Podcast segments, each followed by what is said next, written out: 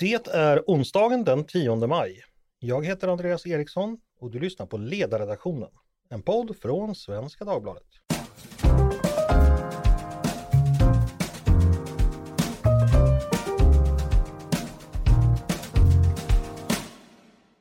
Varmt välkomna till oss. Hoppas ni har det jätteskönt ute i vårsolen. Idag ska vi prata försvarspolitik och landets försvarsförmåga. Det var ett tag sedan ämnet var uppe i podden så jag tänker det är hög tid att återvända till det. Hur går det med den svenska upprustningen? Är politikerna beredda att skjuta till vad som krävs? Och hur snabbt kan Försvarsmakten omsätta ökade resurser i förmåga? Jag vet att många av er som lyssnar följer de här frågorna noga och är intresserade av dem. Och de senaste åren har de ju blivit allt mer akuta. Några veckor sedan, i slutet av april, överlämnade Försvarsberedningen sin delrapport Kontrollstation 2023 till försvarsministern. Ett av förslagen där var att nästa försvarsbeslut bör tidigare läggas ett år och börja gälla redan 2025 istället för 2026 som egentligen planerat. Varför föreslår då försvarsberedningen detta? Och vad föreslår man mer? Och hur går det rent generellt med förverkligandet av allt det som bestämdes i det förra försvarsbeslutet? Och hur ska politikerna göra det möjligt för Försvarsmakten att fortsätta växa i den takt som krävs?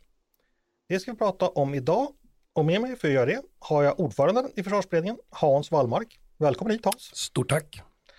Och så har jag med mig Patrik Oksaren, medarbetare på sidan, som är den som ofta håller i pennan när vi skriver just om försvars och säkerhetspolitik. Välkommen du också Patrik! Tack så mycket! Hans ska bara göra en kort presentation av dig. Eh, du är moderat, suttit i riksdagen sedan 2006 och än längre i partistyrelsen. Eh, varit i försvarsutskottet länge och varit såväl försvarspolitisk som utrikespolitisk talesperson för partiet. Och nu alltså ordförande i försvarsberedningen. Eh, och vi börjar med dig Hans, eh, om du får sammanfatta lite kort för lyssnarna. Vad var det viktigaste beskeden ni hade i försvarsberedningen eh, som ni hade till ministern när ni lämnade er delrapport för några veckor sedan?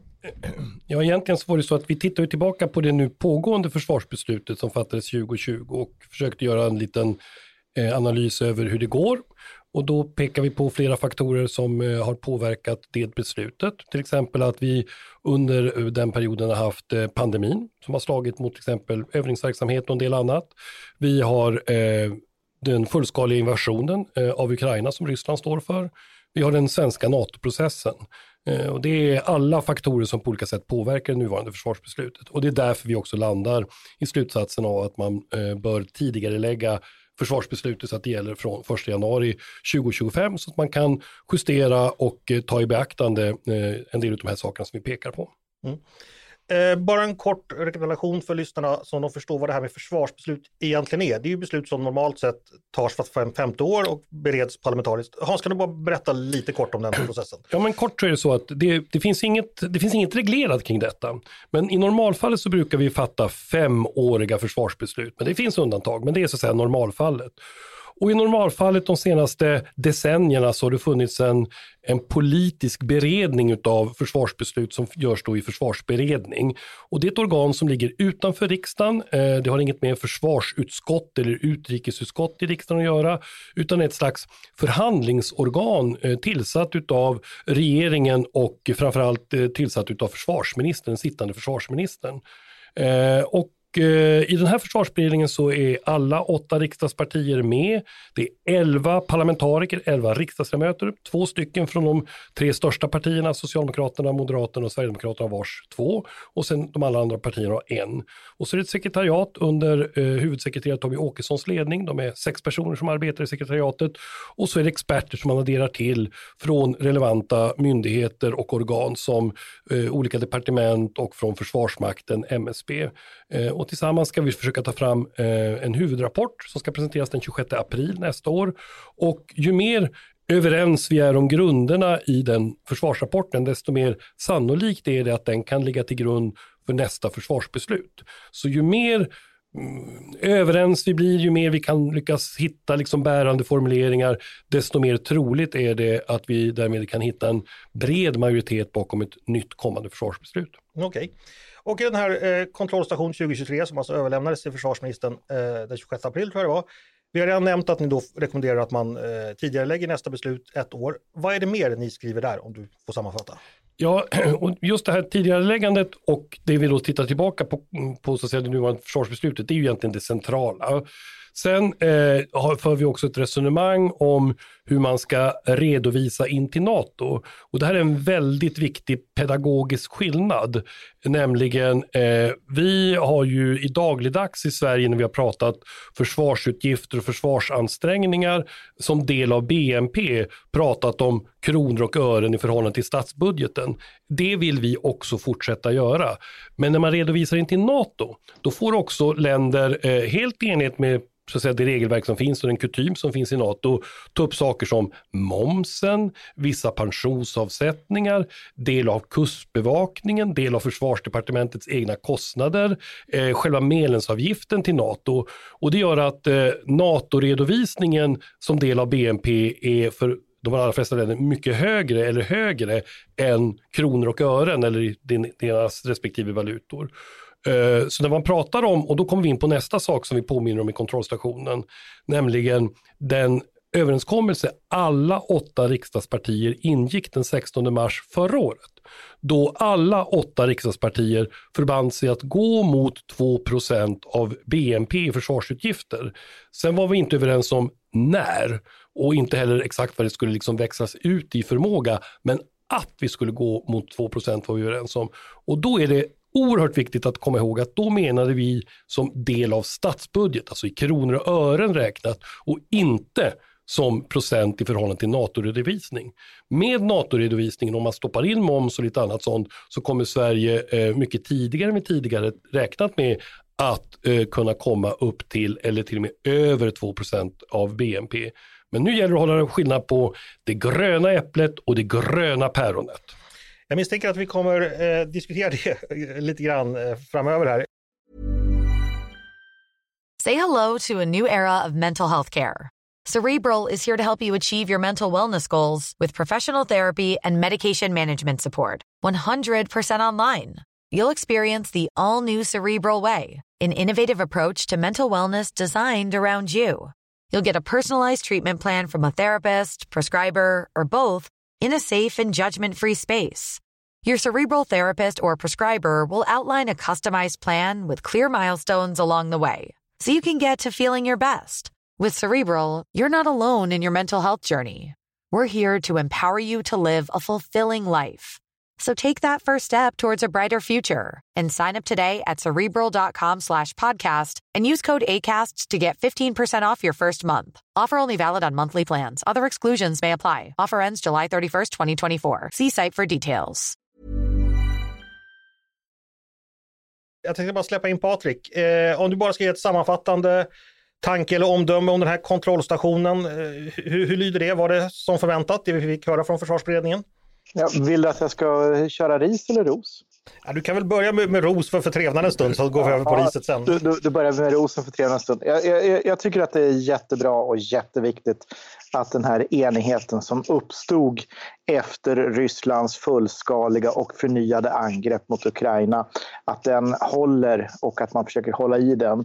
Därför att det är en, en, en styrka att kunna samla alla partier i den här frågan. Det tycker jag är jättebra. Eh, det som bekymrar mig det är ju hela den här eh, eh så att säga sifferexercisen eh, som kommer att kunna bli eh, lätt förvirrande för, för folk. Och jag förstår verkligen att man behöver göra det här utifrån NATO-standard och man behöver ha den pedagogiken. Eh, men det här kan ju längs vägen komma att bli ett problem sen när man ska omsätta saker och ting i verklighet. Men det största problemet skulle jag säga det är ju att Eh, Eh, det går för långsamt. Det finns inte, som jag ser det, mer än tidigare inläggandet, som jag välkomnar, en, en bild av behovet av skyndsamhet och 2% av BNP kommer heller inte att räcka att nå dit vi behöver nå. Eh, så att det, går, det är för lite, det är för långsamt fortfarande.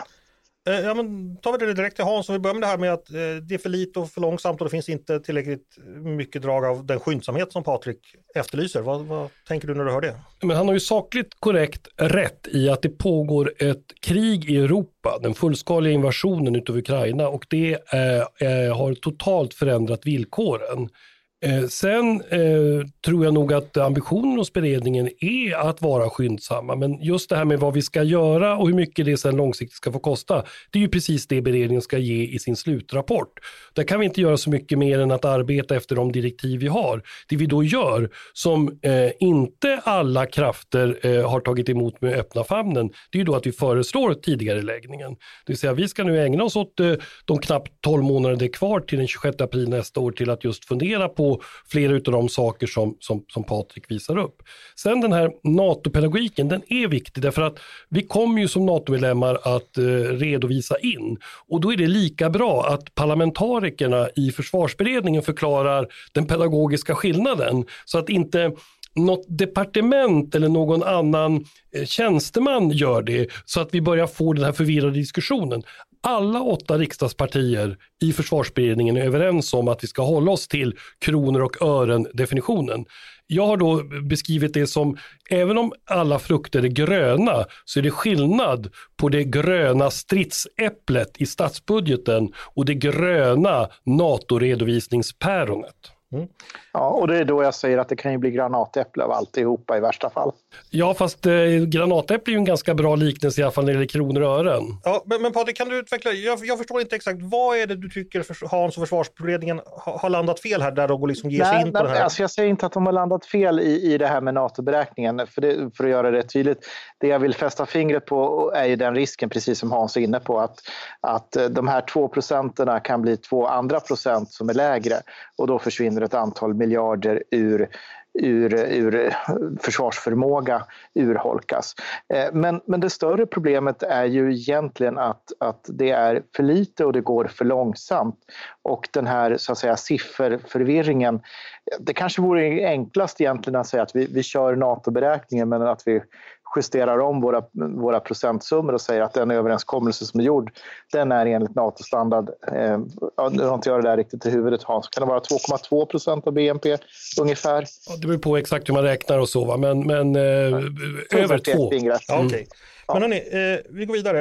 Eh, Hans, hur går det med genomförandet av försvarsbeslutet 2020? Eh, kommer allt som ska genomföras kunna göra det? Nej, och det är ju därför vi, vi pekar på det. Mm. Och det finns ju flera aspekter som vi kommer att komma att ta upp i vår eh, slutrapport, huvudrapporten som vi så att säga, ska börja bearbeta. Personalförsörjning. Det är ju så uppenbart. Det är ju någonting som Försvarsmakten eh, lider under och det mest eh, tydliga, emblematiska för detta är ju till exempel Eh, allt kring piloter. Eh, så att eh, personalförsörjningen är ett problem.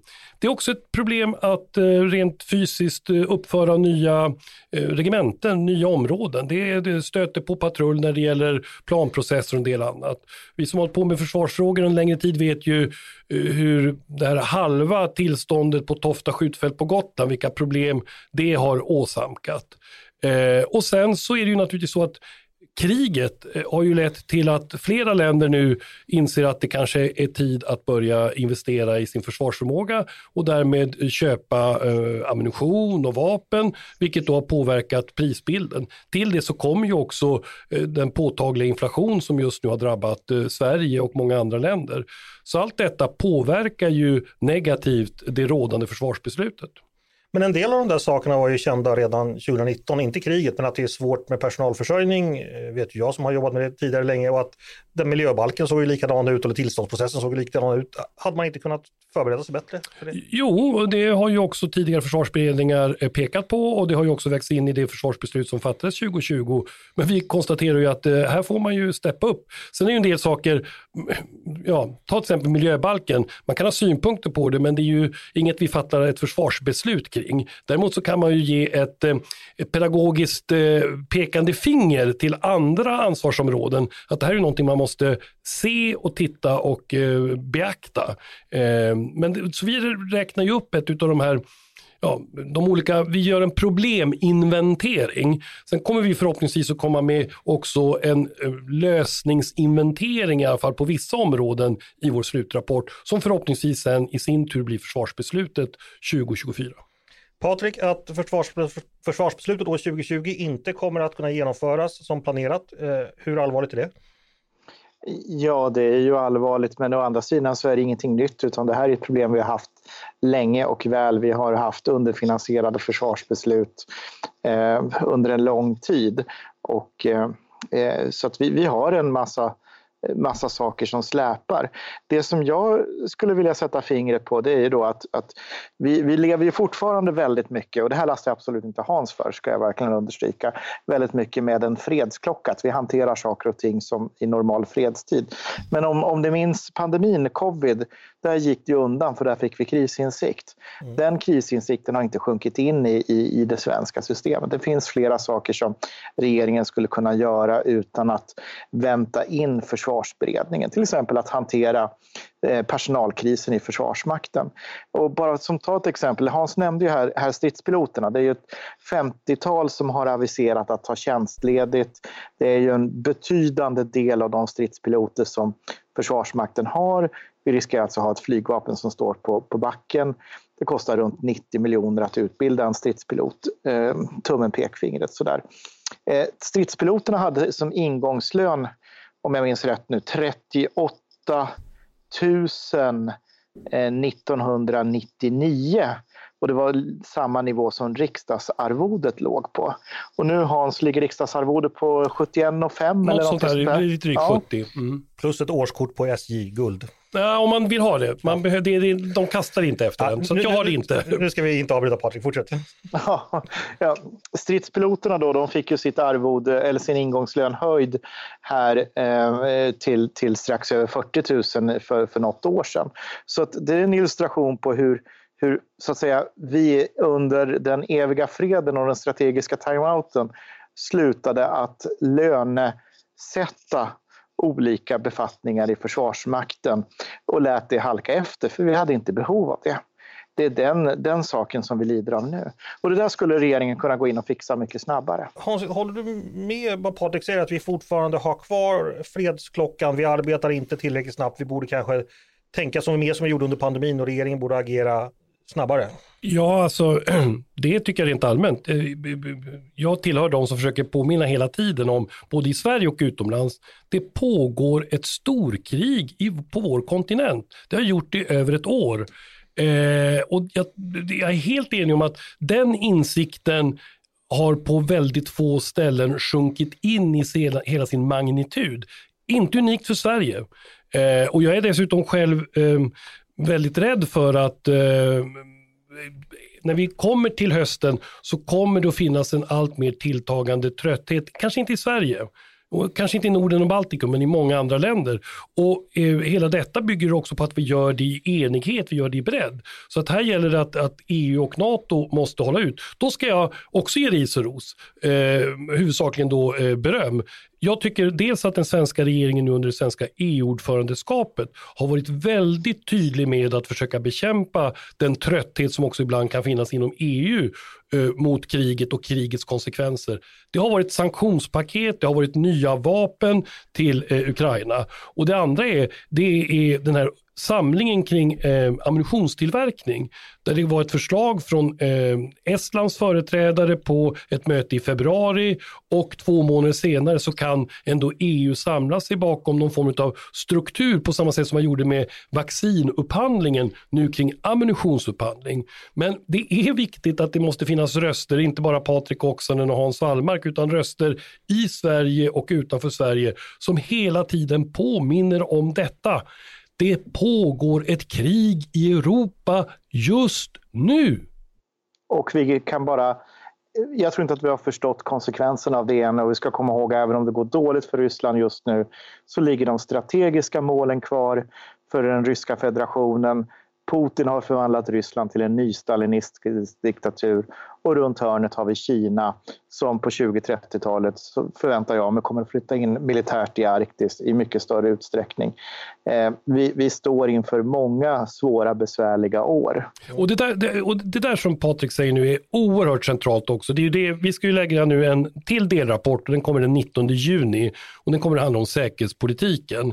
Och eh, din beskrivning framförallt av Ryssland tror jag att det också är viktigt att vi, vi måste Eh, det måste sjunka in att vi kommer under överskådlig tid, alltså decennier, och prata om ett imperialistiskt, nystalinistiskt, välrustat trots allt Ryssland. Vad man nu har gjort eh, är ju att man har gått över i krigsekonomi.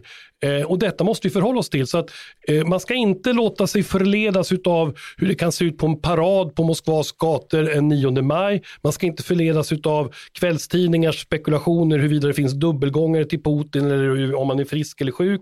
Eh, och man ska inte heller låta sig påverkas bara av bulletinerna från eh, krigsskådeplatsen i östra Ukraina. Utan det som är det centrala är vilket Ryssland kommer vi att eh, tvingas leva i närheten av. Och då är det precis det Patrik beskriver under överskådlig tid och det får konsekvenser. Det verkar ni väldigt överens om. Eh, då undrar man då förstås så här att eh, 2% av BNP har ju varit närmast ett mantra i svensk försvarspolitisk debatt i många år, det är dit vi ska nå. Vad är det egentligen som säger att det kommer räcka? Eh, ska vi påminna att försvarsutgifterna var 4 av BNP under 50 och 60-talen. Även när jag var barn på 80-talet var de ja, 2,5-3% någonstans där. Varför, varför, ska vi ha som högsta ambition att satsa mindre på för, vårt försvar nu än på 1980-talet? Ja, fast det är inte högsta ambition, utan vad vi har, det, jag är mycket noga med att säga, det här är inte ett utgiftsmål.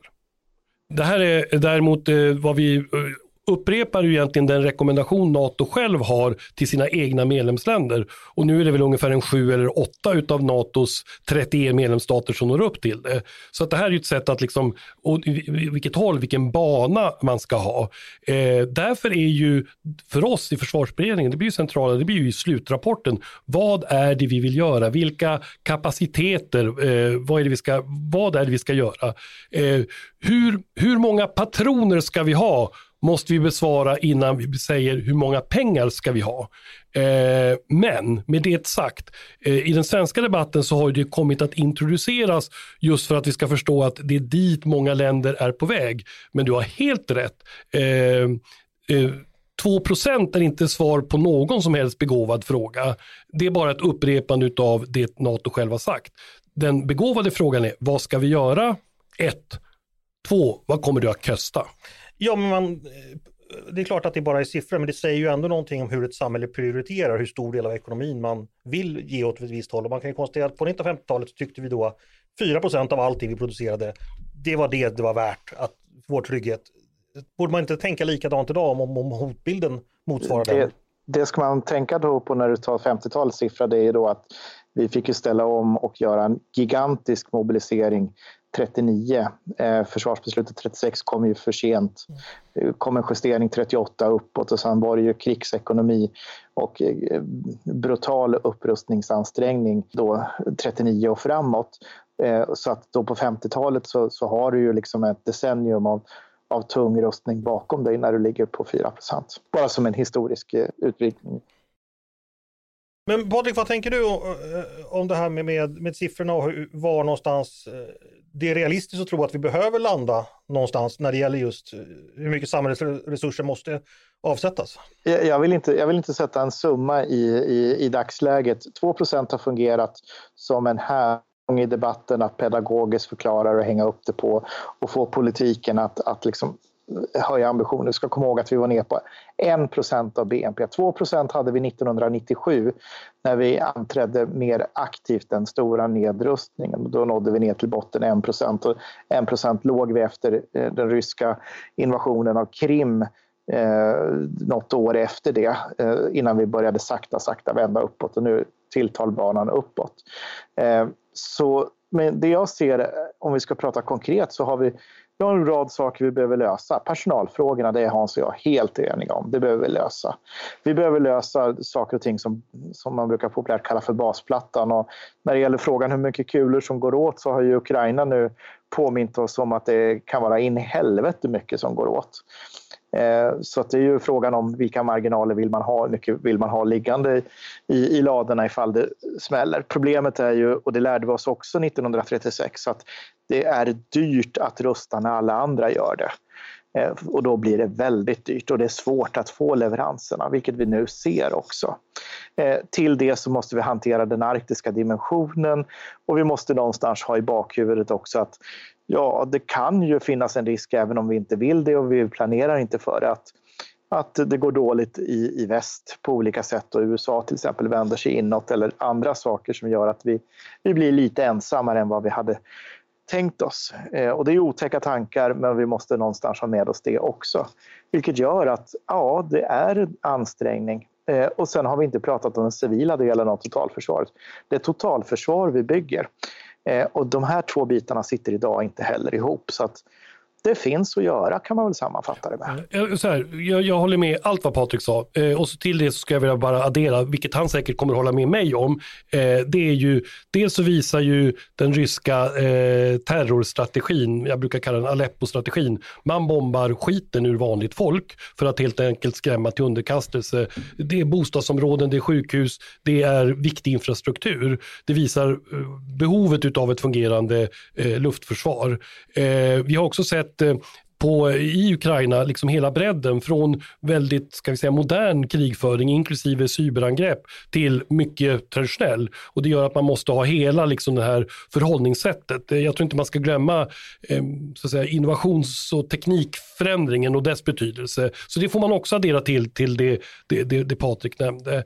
Jag tror också eh, ytterligare en sån sak som eh, kommer att i allt mer större utsträckning beaktas och det ser vi ju efter attentaten mot Nord Stream. Det vill säga säga också kablar, pipelines, den typen av eh, infrastruktur, dess betydelse. Och då kommer vi också in på det Patrik mycket klokt sa, nämligen totalförsvaret som är både den civila och militära dimensionen och adderar till också den typen av hybridkringföring och eh, eh, återigen cyber som, som en väldigt viktig faktor. Så att eh, det finns absolut att göra och då gäller det att hitta den här balansen mellan alla de här faktorerna, både för vad man ska göra, man kan inte prioritera allt. Det är väldigt vanligt när politiker politiker ska välja att man väljer allt. Men hela poängen med att prioritera är att man ser att A är viktigare än B och B är viktigare än C. Eh, och det blir en, en, också en så att säga, viktig fråga för, för politiken att hantera. Hans, hur mycket påverkar det svenska NATO-anslutningen vår försvarsplanering? Eh, för en lekman tänker man att allt egentligen förändras, men eh, hur, hur kan du beskriva lite det? Ja, I vart fall det korrekta svaret är nog säga mycket, men jag tror att man ska inte underskatta den mentala förändringen. Eh, det som är det viktiga med, med NATO och NATO-medlemskapet, det är ju att Sverige ska försvara Sverige tillsammans med andra. Mm. Eh, och det, man brukar då säga att det handlar både om artikel 3 och artikel 5. Artikel 3 ställer kravet på medlemsländerna att eh, ha ett nationellt försvar, att ha sin egen nationella motståndsförmåga. Artikel 5 gör det möjligt eh, att eh, eh, bekämpa fienden tillsammans. Den angripne eh, har en, har en möjlig, har, har en rätt att få ett stöd utav de övriga medlemmarna. Eh, och båda de här komponenterna är viktiga och, eh, det gäller, och därför så är det så att ett NATO-medlemskap eh, kan på inget sätt eh, eh, motivera att man inte sköter sin egen hygien, det vill säga sin eget självförsvar, artikel 3. Men du gör det tillsammans med andra. Och det gör också att du måste vara beredd och villig och kunna hjälpa till att försvara andra som blir angripna på samma sätt som vi utgår ifrån att andra ska bistå oss när vi har blivit angripna. Så att det är mycket också en, en, en, en kulturfråga, ett förhållningssätt till det. Eh, och där är det råd som vi hör från alla NATO-länder och från, från Bryssel, det är att vi, vi ska liksom gå relativt sakta fram. Vi behöver liksom inte omedelbart ambitionen att bli bäst i klassen utan också försöka lyssna in eh, hur vi anpassar vår egen eh, pusselbit till den övriga. Men med det sagt så är ju det läge vi befinner oss just nu, idag, det är ju det sämsta tänkbara på väldigt länge för NATO själv. Därför att nu är Eh, Finland, NATOs 31 medlemsstat eh, och binds samman med det övriga NATO via den nordliga norska och finska gränsen som är ungefär 30 mil. Och det gör ju att hela Sverige som geografisk yta är ju en viktig komponent eh, i det hela försvaret utav NATO-området. Och det är därför det är önskvärt av många skäl att Sverige till Vilnius-toppmötet skulle kunna bli fullvärdig NATO-medlem. Därför att vi behövs också i det gemensamma försvaret eh, och vi är också en säkerhetsbidragsgivare. Utöver det väldigt viktiga med Vilnius-toppmötet, vi måste visa enighet. Enighet mot Rysslands invasionskrig, enighet för Ukraina i denna strid för vår kontinent och våra värderingar. Du ska släppa in Patrik här. Det svenska NATO-medlemskapet, eh, hur mycket förändrar det förutsättningarna för svensk försvarsplanering och har, har svensk försvarsplanering börjat anpassa sig tillräckligt mycket för för den här nya verkligheten? Alltså, vårt problem är ju att vi, vi ligger väldigt långt efter i totalförsvarsplaneringen. Eh, den militära delen av försvaret det kan väldigt snabbt jacka in, som jag förstår det, med, med Natos militära styrkor och, och, man är väldigt väl integrerad. Det finns ju inga andra länder som har varit så nära integrerade med sina väpnade styrkor som har blivit medlemmar som, som Finland och snart förhoppningsvis Sverige också. Eh, men den, den, den stora skillnaden skulle jag säga, den handlar om i våra huvuden. Jag brukar ibland skämtsamt säga att vår mentala strategiska karta kommer från kalla kriget. Det är Skogaholmslimpan på snedden. Det är ungefär så vi har sett Sverige, hängande löst, isolerat och så tänker vi vår militärgeografi utifrån Sveriges territorialvatten och eh, territorialgränser. Medan den riktiga strategiska geografin den är mycket rundare och den sträcker sig från, från Svalbard och Grönland i norr till, till eh, ja, ner till, till norra Tyskland, norra Polen, bort till Narva. Eh, om vi tittar på vår nära strategiska geografi. Och den blir ju en helhet nu om vi går med i Nato som sitter samman. Och här kan vi framförallt göra saker ihop med Norge och Finland och Danmark i vårt närområde Eh, för planering, till exempel gemensamma styrkor som under ett gemensamt befäl uppe i, i norra delen. Eh, vi kan planera civilförsvarsförsörjningssaker eh, tillsammans med Norge och Finland på ett helt annat sätt om vi är NATO-medlemmar. Det ser jag som den stora fördelen. Okay. eh, vi ska snart ta avrunda, men Hans, du ska få berätta lite om framtiden nu. Om det blir så att det blir ett nytt försvarsbeslut som ska då gälla från 2025, då måste väl det tas under 2024? Exakt så. Eh, hur ser färdplanen fram till ett nytt försvarsbeslut ut då? Ja, då, det är där jag kan avslöja då att det, det, det finns då en del gnisser, för det innebär ju att det kommer att bli ganska mycket arbetsbelastning. Vi lägger fram vår slutrapport den 26 april och förhoppningsvis har vi nästa år och förhoppningsvis har vi gjort då ett gott grundarbete. Sen måste ju det där eh, beredas på ett lämpligt sätt. Eh, man måste börja skriva en proposition med utgångspunkt från eh, vårt förslag. Eh, relevanta myndigheter måste sitta och räkna och, och, och titta på det. Nu har, det är ju det som är fördelen med att vi har med oss relevanta myndigheters experter i vår försvarsberedning och det innebär att till hösten så får det presenteras en proposition för eh, riksdagen. Eh, och ju mer överens vi kan vara om centrala delar, desto lättare blir ju både behandlingen eh, i det breda samhället och framförallt i, i riksdagen. Men det innebär att från Skogaholmslimpans leverans eh, 26 april till att vi kan servera mackor med prickig korv så är det ungefär sex månader. Och är det realistiskt att tro att man kommer hinna på den tiden? Ja, det är ju försvarsberedningens förslag, men, men eh, absolut. Och det gör ju att om, om Patrik Oksanen, eh, vi har ju varit monumentalt eh, överens om mycket, men, men om, om Patrik då är kritisk till att vi inte riktigt har tidsfaktorn med så vill jag bara säga att eh, det finns många som ställer precis den frågan som du gjorde Andreas, eh, men det här går ju väldigt fort och eh, det är just den avvägning vi, vi försöker ha. Jag tycker, det, jag tycker det är en rimlig ambition, just givet det vi sa. Det pågår ett krig i Europa. Det får konsekvenser. Eh, Patrik, vad måste nästa försvarsbeslut innehålla som du ser det? Eller vad bör det innehålla? Ja, eh, det, det, enkla snabba svaret är ju eh, snabbare eh, och snabbare. Alltså att, att, få, få det här att rulla. Men absolut kritiskt, lösa personalfrågan, få eh, det här att hänga ihop till ett totalförsvar och få den civila delen att, att jacka in eh, och göra en helhet. Idag diffar, diffar de här sakerna. Eh, och sedan som jag, om jag tittar i, så att säga, vi, vi, har ju här och nu väldigt nära. Jag är väldigt bekymrad över Arktis, jag är bekymrad över, över eh, sjöfart, handelslinjer, eh, seabed warfare som det kallas för, det här med kablar, eh, gasledningar som sprängs i Östersjön och så vidare. Eh, och allt vad det innebär att, att kunna hålla ihop det och eh, det gör också att den, den, marina sidan bekymrar mig. Precis som det också bekymrar mig, som Hans nämnde här, med luftvärn eh, och naturligtvis också uthålligheten på armésidan. Så att eh, det är, det är tyvärr väldigt många saker som måste fixas. Och utmaningen här är ju att en antagonist kommer ju inte att välja att, att ge sig på oss där vi är starkast utan kommer att välja där vi är svagast. Så att det, det handlar också om att försöka täppa till de hålen.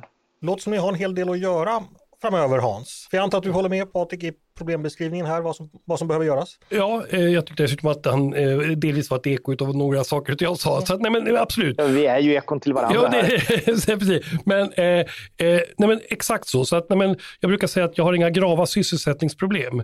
Eh, och jag vill dessutom meddela alla som lyssnar nu på eh, Svenska Dagbladets podd, här, ledarpodd, att jag lämnar nu ett dedikerat exemplar utav eh, den tryckta versionen utav eh, Försvarsberedningens första delrapport.